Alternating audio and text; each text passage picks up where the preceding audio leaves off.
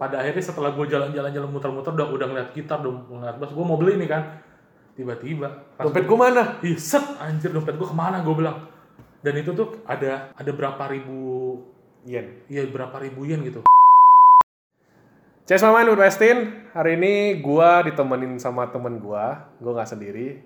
Eh temen gua namanya Ferdian. Saya hello dong. halo halo Ya.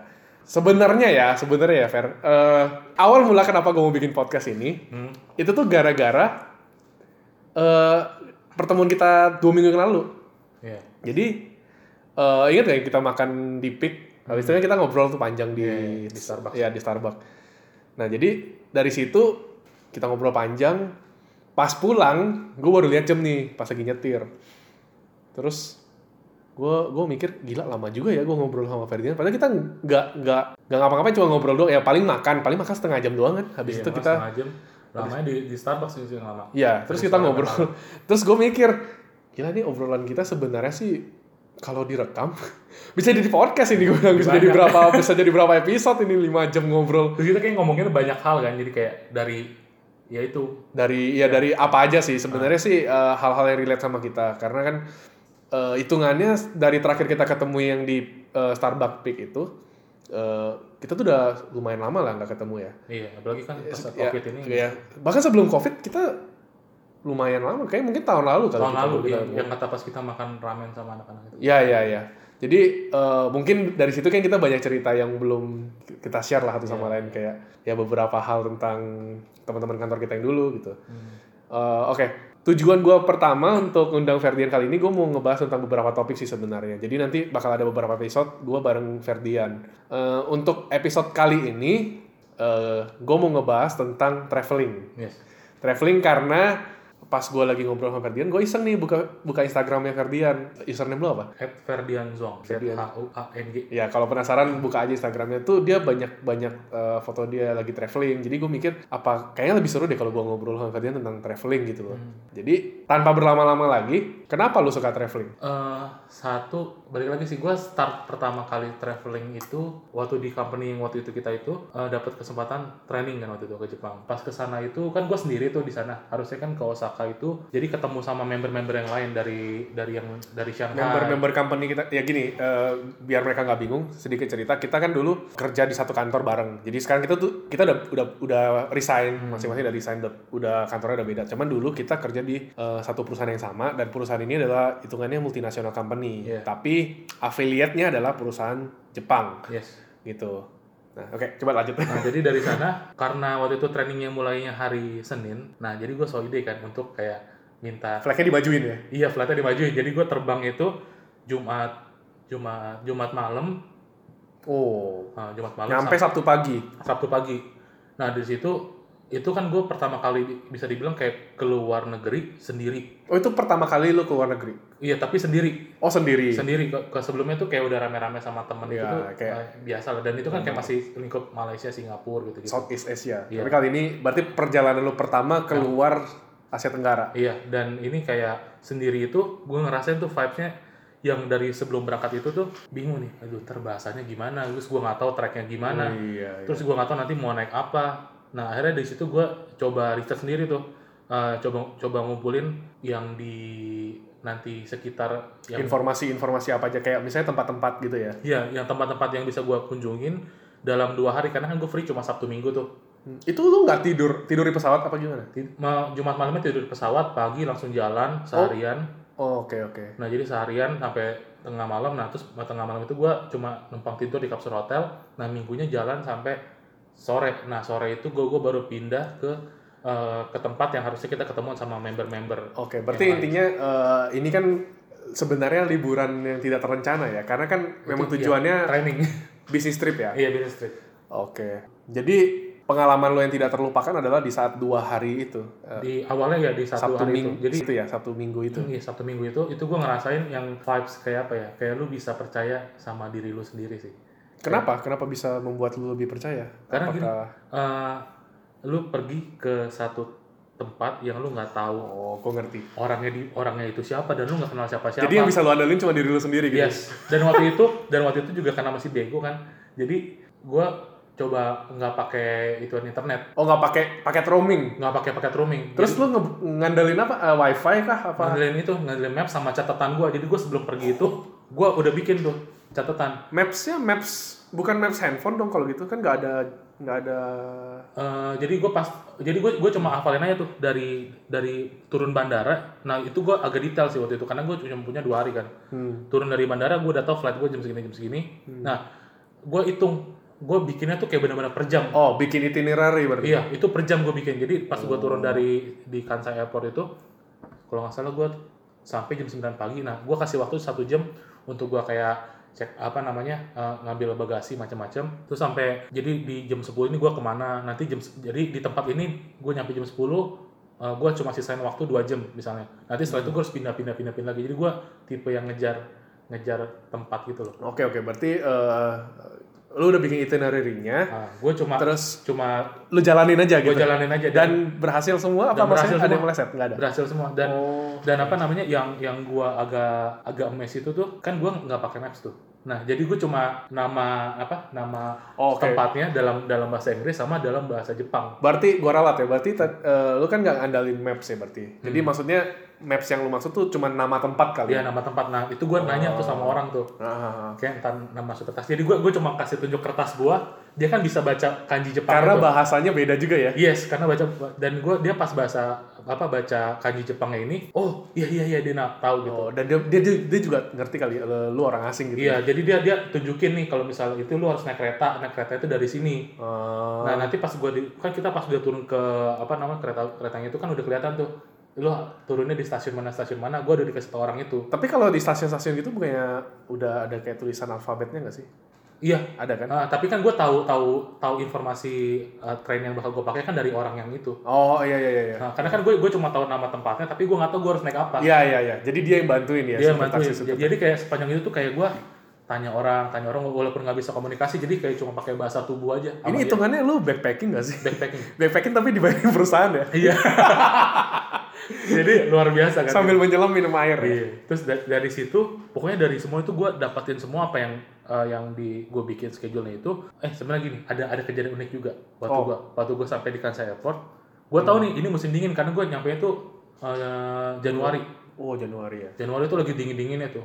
Nah gue karena gue ngerasa kan ah gue kuat dingin lah santai lah. Jadi lu nggak bawa baju dingin apa? Gue nggak gue cuma pakai itu sweat apa namanya sweater. Coat ya? Hoodie, hoodie full Oh hoodie. Hoodie full ember sama baju kan. Ah, Nah terus pas gue ah santai lah. Terus pas eh, gue keluar dari Kansai Airport malah lebih dingin. mau mau ke taksi kan eh enggak mau mau ke naik bus itu kan ada pintu kaca kebuka tuh Terus itu pas pintu kaca kebuka kayak wah anjir, Udaranya dingin banget. kayak mau mati aja gitu akhirnya gue balik lagi ke dalam baru beli Uniqlo waktu itu Oh oke Nah, oke oke. dari situ baru jalan-jalan jalan-jalan tuh sampai akhirnya Yang eh, tadi sampai ke sampai tengah malam itu gue terakhir itu di Dontonburi Oh Osaka ya? iya Osaka Dontonburi Uh, Shinsai Bashi. Iya itu dia. Iya, iya. Nah gue nyampe di sana itu ternyata eh, saking dinginnya waktu itu itu sampai di kota itu turun salju. Oh. Jadi jadi gue sampai kayak ini apa nih kan gue takutnya kan efek-efek yang biasa lah yang Oh lu, busa-busa lu gua masih lu masih nggak percaya kalau itu bukan salju beneran ya? Iya gue masih nggak percaya ini beneran apa enggak nih gue bilang sampai benernya orang-orang yang, yang di Jepang itu juga pada kaget akhirnya pada video-videoin gitu. Oh, kalau nggak salah ya ini eh, sepengetahuan gue ya mungkin bisa diralat kalau misalnya kalian lebih tahu. Osaka itu kalau musim dingin kayaknya nggak sampai turun salju gitu. Iya. Mungkin pada saat itu memang gue pernah dengar di dari eh, kolega-kolega Jepang gue juga Hmm. kalau ada satu satu tahun itu di mana orang-orang kaget karena di gue lupa antara Tokyo atau Osaka turun salju. Mungkin karena apa dampak dari Global warming. Eh, ya global warming atau perubahan iklim kali ya. Jadi kayak eh, tiba-tiba cuacanya jadi berubah Dingin gitu. ekstrim banget makanya buat Dan berarti lu hitungannya beruntung dong ya? beruntung waktu itu. Karena biasanya nggak nggak nggak turun salju kan? Makanya gue gue pikir pas gue turun salju itu gue ah ini bener apa enggak dan gue lihat reaksi orang-orang yang di sana itu kayak pada Uh, itu kan pada pada video Excited ya. Wih, akhirnya gue bilang hoki juga nih dapat yang ini. Iya iya. Nah, terus setelah itu jalan-jalan jalan-jalan muter-muter sampai akhirnya kan gue booking udah udah gua booking kapsul hotel tuh. Hmm. Nah, itu gue eh nyari nyari kapsul hotel itu agak susah Eh, alamatnya. alamatnya dan dan na- namanya tuh gue nggak tahu kayak kayak nggak ada yang waktu gua, ya, orang-orang gue tanya itu nggak ada nggak ada yang tahu ini Nggak ada yang tahu tempatnya. tempatnya itu. Lu nggak nanya nama jalannya atau Nah, apa? gue gue akhirnya gue ingat uh, ada namanya tuh daerahnya tuh Amerika Murah. Heeh. nama jalan ya itu. Kayak nama daerahnya kayak oh, kayak, ya, kayak, kayak kelurahan lah gitu. kayak gini kayak kayak Downtown Buri. Heeh. Nah, tapi dia tuh namanya Amerika Murah. Oh, oke oke. Nah, jadi tuh gue muter-muter di situ sampai jam jam berapa ya? Jam 12, 12 setengah satu. Cuma buat nyariin hotel itu. Iya, gue muter-muter sampai udah udah lemas banget dan dingin kan. Sampai ada apa namanya ada satu kayak orang Orang orang lewat. Jepang gitu. Orang Jepang itu dia kan kalau dia, dia kayaknya lagi jagain klub apa gitu. Jadi dia ber- di, di luar kayak megangin brosur gitu. Oh, kayak ini ya, kayak ya kayak SPG lah ya. Ya, gitu-gitulah. Ah. Dia itu mes sih gue sampai kayak ini ini orang baik banget. Dia nganterin gue jalan kaki dari tempat dia kerja Mm-mm. sampai di depan hotel gue itu ada kali 20 menitan jalan. Hmm. Jauh itu dan gue kayak wah gila. Maksudnya kayak kayak stigma yang Dan akhirnya ketemu tempatnya. akhirnya ketemu dia dia tahu dia tahu tempatnya. Oh, berarti lu Hoki banget Hoki itu. banget Hoki ya. banget dan dan gue kayak aja karena kan setahu gue kayak orang Jepang itu kan independen. lebih uh, ke nggak mau individual. ngurusin orang Ya, ya. individual. Ini gue sampai bener dianterin sama dia sampai ke depan hotel gue. Gue sampai kayak Hmm. Dan dia kondisinya waktu itu lagi kerja. Cowok apa cewek sih? Cowok. Cowok ya. Sayangnya cowok waktu itu. Masih masih muda. Masih muda. Jadi kayak gue sampai kayak Nggak diajak masuk kan? Tapi gue kayak bingung kayak "Ini gila nih kayak nggak make sense di otak gue aja gitu misalnya ada Tapi ada orang ada orang kayak gitu. tapi dengan dengan lu mengalami peristiwa seperti itu, apakah pada saat itu ya, apakah di benak lu terpikir bahwa oh orang Jepang nih pada baik-baik nih? Apakah lu langsung memproyeksikan semua orang Jepang seperti itu apa gimana? Eh, waktu itu enggak sih, enggak enggak enggak general. Berarti cuma fokus ke individunya Fokus ke aja ya? individual dan gue kayak lebih Respect lah ya. eh, respect dan lebih bersyukur aja kayak Gue ditolong nih iya gue ditolong di gitu. tengah-tengah Ya, apa udah udah tengah malam, iya, gitu ya. udah tengah malam dingin dan gue masih nggak ketemu hotel gue di mana gitu. Hmm. Dan ada tiba-tiba ada orang tuh persis tahu hotel di mana gitu dan gue kayak wih kayak amazing aja gitu. Oke, kita coba mundur dikit dulu sebelum lu eh, sebelum lu nyari hotel. Hmm. Eh, selain ke Dotonbori lu ke mana lagi? itu gue kayak ke taman-tamannya aja sih lebih kayak sama Osaka Castle Oh, Osaka Castle. Hmm. Osaka Castle itu oh yang ada di Instagram lu bukan sih? iya di Instagram gue Itu itu itu gue kira lu difotoin sama orang tau. Nah Gua- ini, ini, ini, iya. ini, ini, ini juga ini juga salah satu itu banyak ditanyain orang Iya karena gini, gue waktu itu kan ya gue tahu waktu waktu itu kan jadi gini gue sama Ferdian itu satu kantor tapi beda divisi ya beda divisi. Jadi pada saat Ferdian ada bisnis trip ke sana tuh gue tahu dan gue tahu dia ngambil dia ada cerita ke gue dia ngambil sehari lebih cepat biar dia bisa explore Ah. gitu kan. Nah eh, pada saat dia ngupdate itu kalau salah lu lagi di Jepang lu update kan itu. di update Eh, itu gue lihat oh berarti ada yang nemenin nih pas Iya. lagi lu lagi free time. Ah, Eh, terus pas lu pulang ternyata kan ngobrol lagi kan kita. Ah. terus gue tanya terus lu bilang kan ini ini tuh gue foto sendiri gitu. Berarti berarti lu pada saat itu lu jalan sendiri ya Jalan gitu sendiri. kan nah itu gimana ceritanya? Maksudnya jadi lu taruh gitu apa nggak ada yang nggak ada bro. Nggak ada yang nggak ada yang ngambil nggak ada yang apa. Jadi gue tuh fotonya tuh pakai pakai tripod. Jadi karena waktu itu iya pakai tripod jadi pakai timer lah. Oh kayak kayak Mr. Bean. Nih kayak Mr. Bean gitu. jadi jadi kayak kayak orang tolol aja. Jadi gue taruh nanti gue begaya-begaya diri apa gitu. Waktu itu rame gak sih? Itu kan lagi weekend kan ya? Eh, lumayan lumayan rame. Lagi lumayan. Banyak banyak turis juga ya? Iya lagi banyak turis juga. Hmm, terus eh maksudnya di Osaka Castle tuh ada apa aja sih? Maksudnya kan kalau lebih lebih ke sejarah sejarahnya sih. kalau gue kan gue sebenarnya orang yang sangat sangat suka sejarah nih. Nah, tapi gue kurang begitu suka traveling jujur. Iya tapi kalau misalnya eh, sebenarnya sih gue waktu itu juga bukan nyombong nih ya. Gue waktu itu juga ada kesempatan yang sama dengan Ferdian kalau nggak salah setahun setelah lu deh. Iya iya. Tapi eh, tapi gue karena Tokyo. divisinya beda gue ke Osaka juga kan. Osaka juga ya? dan gue juga visit Dotonbori itu. Ah. Nah, cuma waktu itu gue nggak ada kesempatan ke Osaka Castle karena eh, kalau gue memang ngikutin schedule. Jadi gue nyampe eh, hari Minggu besoknya langsung training. Ah. Training di lab kan. Ah. Lima hari cuman di Sabtu Minggunya ah, lu kan nyampe di depan duluan. Iya. gue extend di dua hari akhir. terakhir. Ah, nah, tapi waktu itu kebetulan eh, emang ada orang Jepang yang dari kantor pusatnya nemenin. nemenin. Iya, walaupun di weekend dia nemenin kita. Iya iya. Dan karena rumahnya di daerah Kyoto jadi kita dibawa jalan-jalannya ke Kyoto. Enak ke itu Fushimi Kyoto. Minari, Kinkakuji, Kinkakuji terus ke ya kuil-kuil lah gitu. Hmm. Jadi gue sebenarnya tertarik kayak ke tempat-tempat yang ada ni- eh, nilai sejarahnya, Eh, ada ada cerita sejarahnya lah Iya, iya. kayak em, kalau nggak salah yang Kinkakuji sama Ginkakuji itu se- sejarah juga nih. Maksudnya ada ada ceritanya, tapi gue lupa kalau nggak salah itu kuil pernah kebakar atau kenapa gitu. Hmm. Nah kalau yang Osaka Castle itu apa sih kayak Osaka Castle tuh ya itu dulu bekas kerajaannya Osaka itu dia. Jadi di di dalam waktu itu pas gue masuk di dalam itu eh dari luarnya sih kan masih kayak kayak kayak kuil kayak kerajaan gitu kan. iya ya pokoknya masih otentik lah Nah ya. di dalamnya itu udah modern banget. Oh, Jadi kayak- museum juga ada ada ada museum nggak sih? di Iya iya itu itu. Jadi lu lu bisa lihat topeng-topengnya dia terus kayak eh, Samurai sam- pedang samurai- samurai samurainya. pedang katananya ya. Iya terus kayak gitu kayak lu eh, ada itu sih banyak kayak LCD LCD gitu.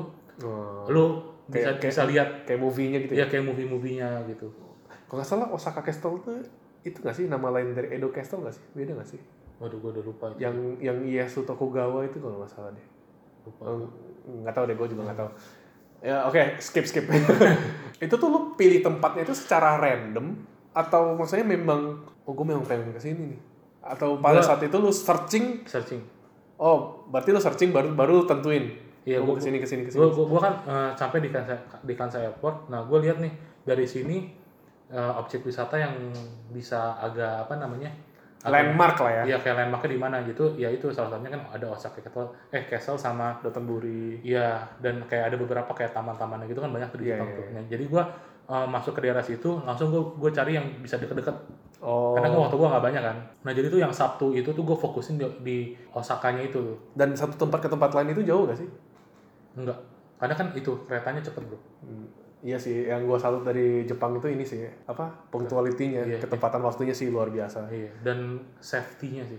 Makanya gue nggak heran kalau kalau orang pertama kali ke Jepang itu pasti akan mendamba-dambakan, ih kalau gue tinggal di Jepang tuh enak banget ya. Iya. Tapi setiap kali gue nanya sama orang Jepang yang tinggal di sini ya, Iya. mereka lebih enjoy tinggal di sini loh. Terlepas mungkin dari fasilitas yang mereka dapat ya. Iya, iya. Mereka tuh, gue gue pernah ngobrol lah sama salah satu kolega Jepang gue. Terus eh, mereka pertama tuh suka dari Indonesia adalah cuacanya. Hmm. Di Jepang itu dia bilang cuacanya terlalu ekstrim. Kalau panas panas banget, Iya. kalau dingin dingin banget. Mereka tuh paling seneng cuman pas autumn doang, pas apa Yang musim musim gugur. Nah, yang Soalnya musim semi pun itu masih dingin dingin banget katanya Iya. gitu kan. Terus pas di sini dia bilang, gue sangat senang sekali dia bilang karena di sini tuh kalaupun musim hujan tapi nggak dingin dingin banget. iya, paling banjir ya. Iya kalau eh, terus dia bilang kan kalau musim kemarau ya Sama-sama jadi. musim panas lebih panas dia bilang Iya, gitu. iya. Jadi gue enjoy enjoy aja di situ. Terus ya yang lain juga kayak eh, mereka bilang orang-orang di sini ramah. Hmm. Orang-orang di sini ramah. Terus makanan makanannya Bisa di, bisa diterima. ya ya lu tau lah ya Nah. maksudnya terus ya harga harganya masih jauh lebih murah Iya, gitu iya. kan itu sih jadi tadi tuh lu udah sampai di hotel terus besok lu masih lanjut jalan apa gimana Besok gue masih lan- lanjut jalan. Nah, tapi besoknya tuh gue fokusin ke daerah yang beda. Itu namanya Nara.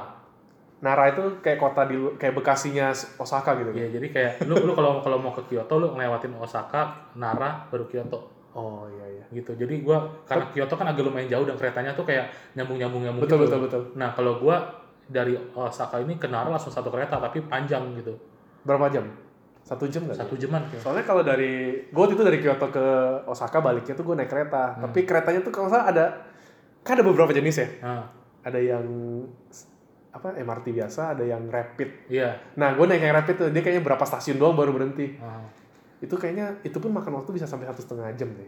Kalau itu gua sa- satu jaman lah itu. Soalnya eh, tapi Masih berhenti-berhenti ya tapi itu ya? masih berhenti berhenti. Itu kayak konvensional kok biasa. Oh, oke oke. Gua, waktu pertama di Jepang, gua agak kesusahan waktu beli tiket. Beli apa sih? Eh, tak- tiket kereta, kartu Ah, kereta. ah, Karena sebenarnya, kan dia pakai mesin kan? iya. Sebenarnya tuh mesin bisa di-set pakai bahasa Inggris. Inggris iya. Cuman, untuk setting ke bahasa Inggris tuh pakai bahasa Jepang. iya, iya, iya. Jadi gue bingung, ini gimana ya cara biar bikin bahasa Inggris ya? Terus gue nanya orang, terus orangnya bantuin Inggris. Oh iya baru bisa gue. itu itu trouble yang gua alami juga jadi setiap, Sama ya? setiap gua mau beli tiket gua pasti nyari orang dulu Iya, ini Inggrisnya mana? iya dan waktu itu kayak ada beberapa stasiun itu yang di, di sebelah tiketnya tuh kayak ada security-nya gitu Ah, jadi mungkin- jadi bisa iya. bantuin kita Mm-mm. gitu Mungkin mereka standby buat foreigner juga kali ya? iya maybe buat buat bantu bantu kan soalnya banyak banyak turis kan waktu itu Iya iya iya. itu kan. Yang itu.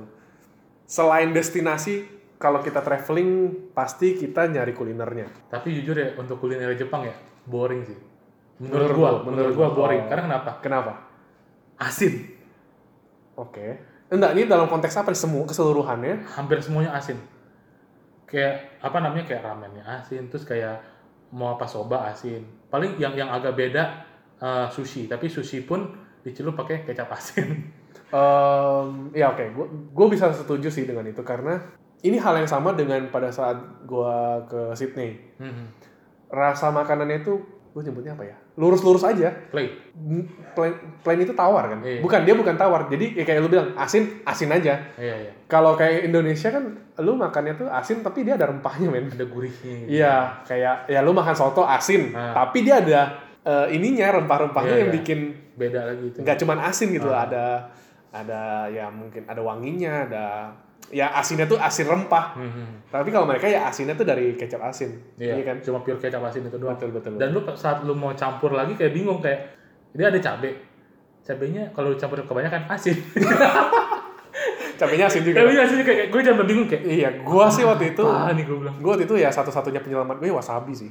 Ah, kalau kalau Lu lu doyan wasabi gak? gue suka pedes banget, tapi gue nggak suka pedesnya wasabi. Oh, berarti oh, lu gak suka wasabi ya? Iya, Memang sih banyak yang cocok-cocokan sih. iya cocok-cocok. Karena kan eh, kalau bagi kalau gue tanya teman-teman gue yang nggak suka wasabi itu mereka bilang wasabi itu terlalu nusuk. Iya, itu dia. Iya. Kalau kayak aroma minnya tuh kayak boom. betul betul. Mungkin karena gue udah gue sih pas pertama kali nyoba wasabi memang sih ketusuk gitu teman. Hmm. Kayak dari semua rasa yang ada di masakan Jepang Ah. ini yang paling bersahabat di lidah gue sih. Iya, gue merasa iya. begitu. Ah. Eh, sama kecap manis juga sih. Iya, kecap tapi- manis tapi ya nggak di semua makanan bisa Iya. diaplikasiin sih. Karena gue kan rata-rata kan di di street food makannya tuh. Hmm. Jadi ya cuma gitu aja udah. Bahkan even lu makan ininya karinya Ah, juga rasanya straight gak sih kayak ya lurus kayak iya itu kayak nggak ada nggak gurih lah ya. Iya. Asin tapi nggak gurih gak sih? dia cuma cuma ngutamain kualitas bahan rata-rata kalau yang di kalau yang di Jepang. Jadi kayak misalnya Freshnya, Freshnya. terus eh, Itu. Iya. kayak makanya that's why ada ada kayak satu satu apa namanya satu kayak tradisi saat lu di serve ramen masih panas lu harus buru-buru makan Iya karena untuk Fresh, ngeris fresh dan itu kayak tanda kita nge-respect betul betul yang udah nyediain sama kokinya gitu betul betul betul. Gue tuh waktu gue nyampe di Osaka itu kan kalau gue kan on schedule jadi emang ada orang yang nemenin Ah. orang dari kantor pusatnya. Itu kita dibawa ke satu tempat itu di deket Dotonbori juga deh kalau salah. Hmm. Jadi dia ada stall ramen gitu kecil, tapi kita makannya berdiri. Hmm. Jadi mereka ngomongnya standing ramen sih. Iya. Tapi nggak tahu bahasa Jepangnya apa gue nggak tahu deh. Ya, ya. Dan itu makanan pertama kita pas kita nyampe di situ.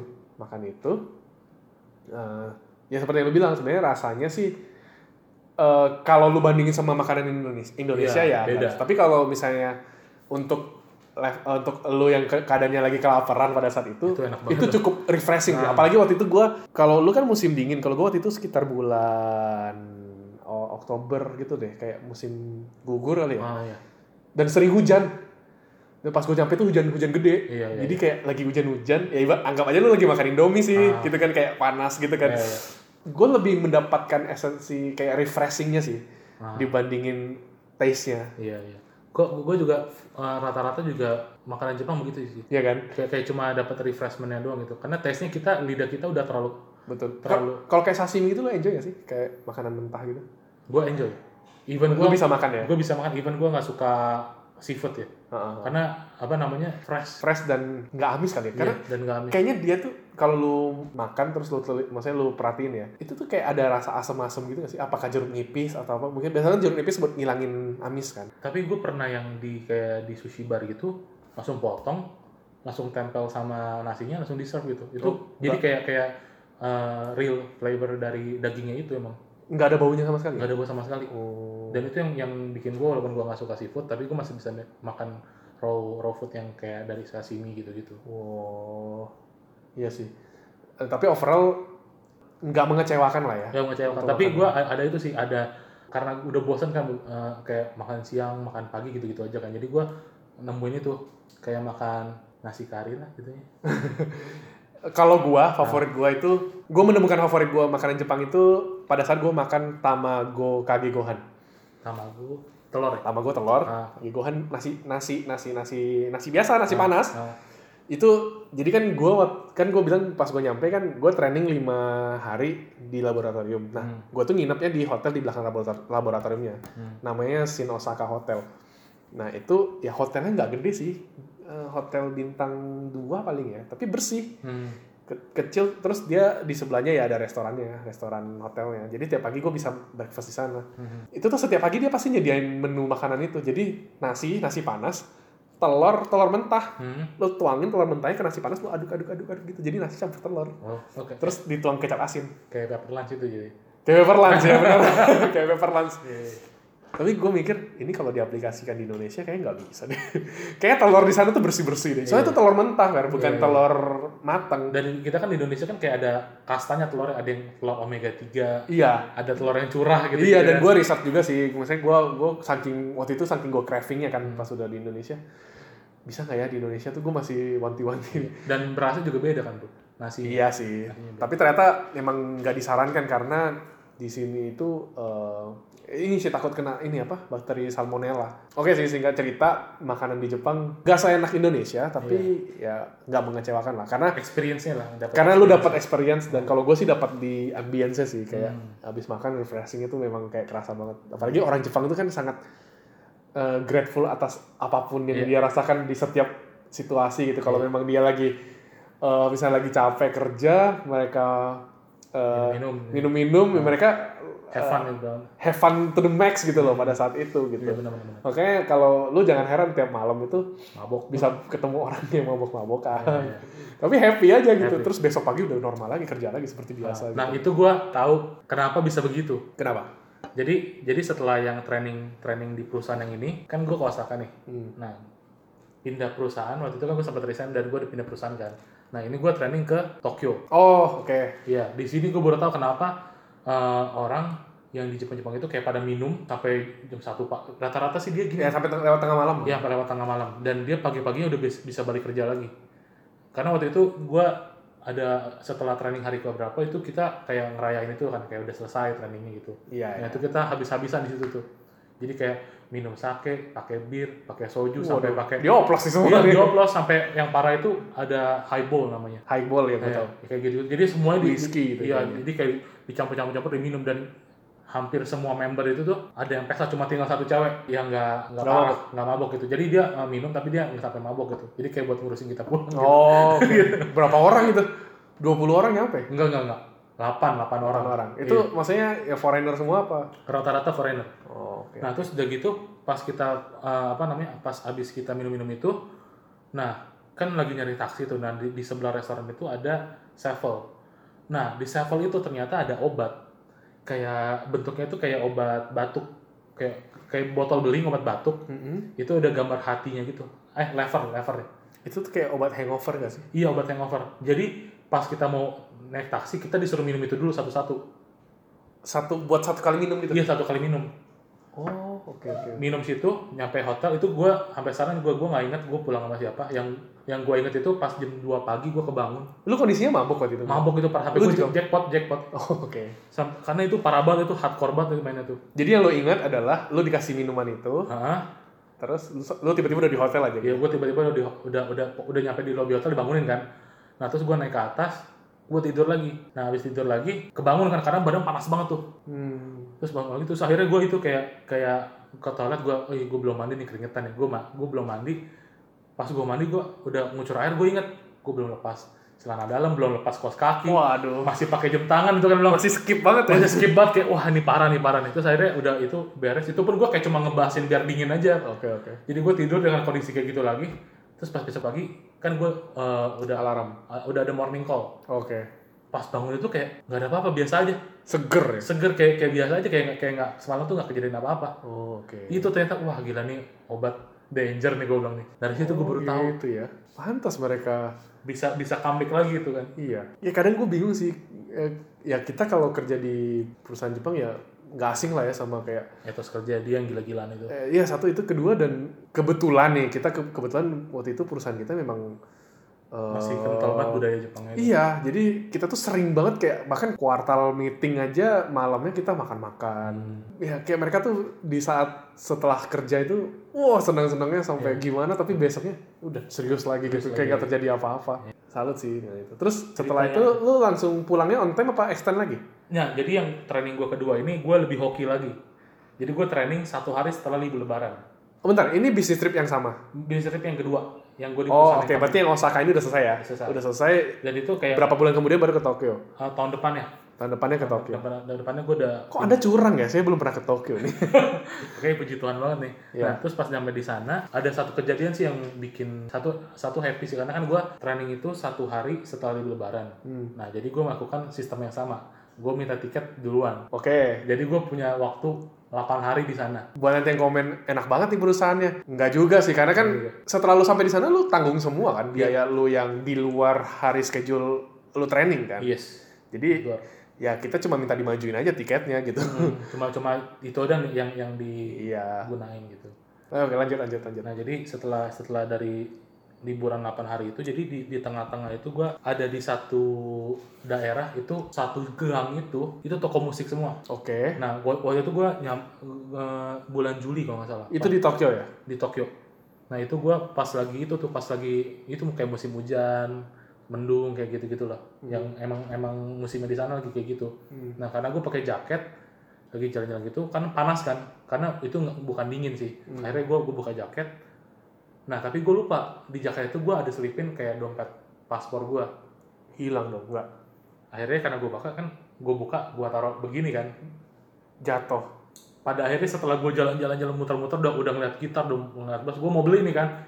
Tiba-tiba dompet gua mana Ih, set anjir dompet gue ke mana gue bilang. Dan itu tuh ada ada berapa ribu yen iya berapa ribu yen gitu. Kalau iyalah lu kan narik cash kan Iya. Kan susah kalau pakai kartu dan terus itu- akhirnya gimana dan itu gue belum training mati gue bilang nih kayak wah ini kalau sampai hilang beneran sih kayak ngerepotin banget ya pasti repotin ya. banget dan gue kayak kadang kan gue trainingnya itu di daerah Gunung Fuji Hmm. nah jadi gue ketemu itu di Tokyo jadi kita dari Tokyo bareng-bareng baru berangkat ke sana Anda, anda training apa dekat di Gunung Fuji? makanya pabriknya itu di di, di, di kaki Gunung Fuji? iya di kaki Gunung Fuji jadi gue pas buka hotel eh pas di hotel pagi-pagi gue buka jendela brek Gunung Fuji langsung Waduh enak Wah, gila banget gue ya. bilang puji Tuhan banget Itu terus gimana? Ya, lanjut lanjut. Nah terus pas dompet itu hilang gue bingung kan. Gue telusurin lagi tuh, telusurin, telusurin lagi sampai berjam-jam kagak ketemu dompet gue. Oke. Wah mati gue bilang ini bener mati nih, dompet hilang. Handphone? Handphone Di, beda kan? di kantong Ah, sana. ah. Oke oke. Terus? Terus gue ketemu orang bule, dia bilang kayaknya dia udah tinggal situ ya. Dia bilang you should going to Koban. Koban itu kayak kantor polisi. Jadi bahasa Inggris, bahasa Jepangnya polisi. Hmm. Koban. Ditunjukin sama dia ke situ. Gue sih jujur karena gue udah cari berkali-kali Desperate gitu itu kan? desperate gue bilang wah ini mati di gue bilang ini, ini gue harus telepon teman gue yang di Jepang itu untuk bantu urusin juga gitu. Hmm.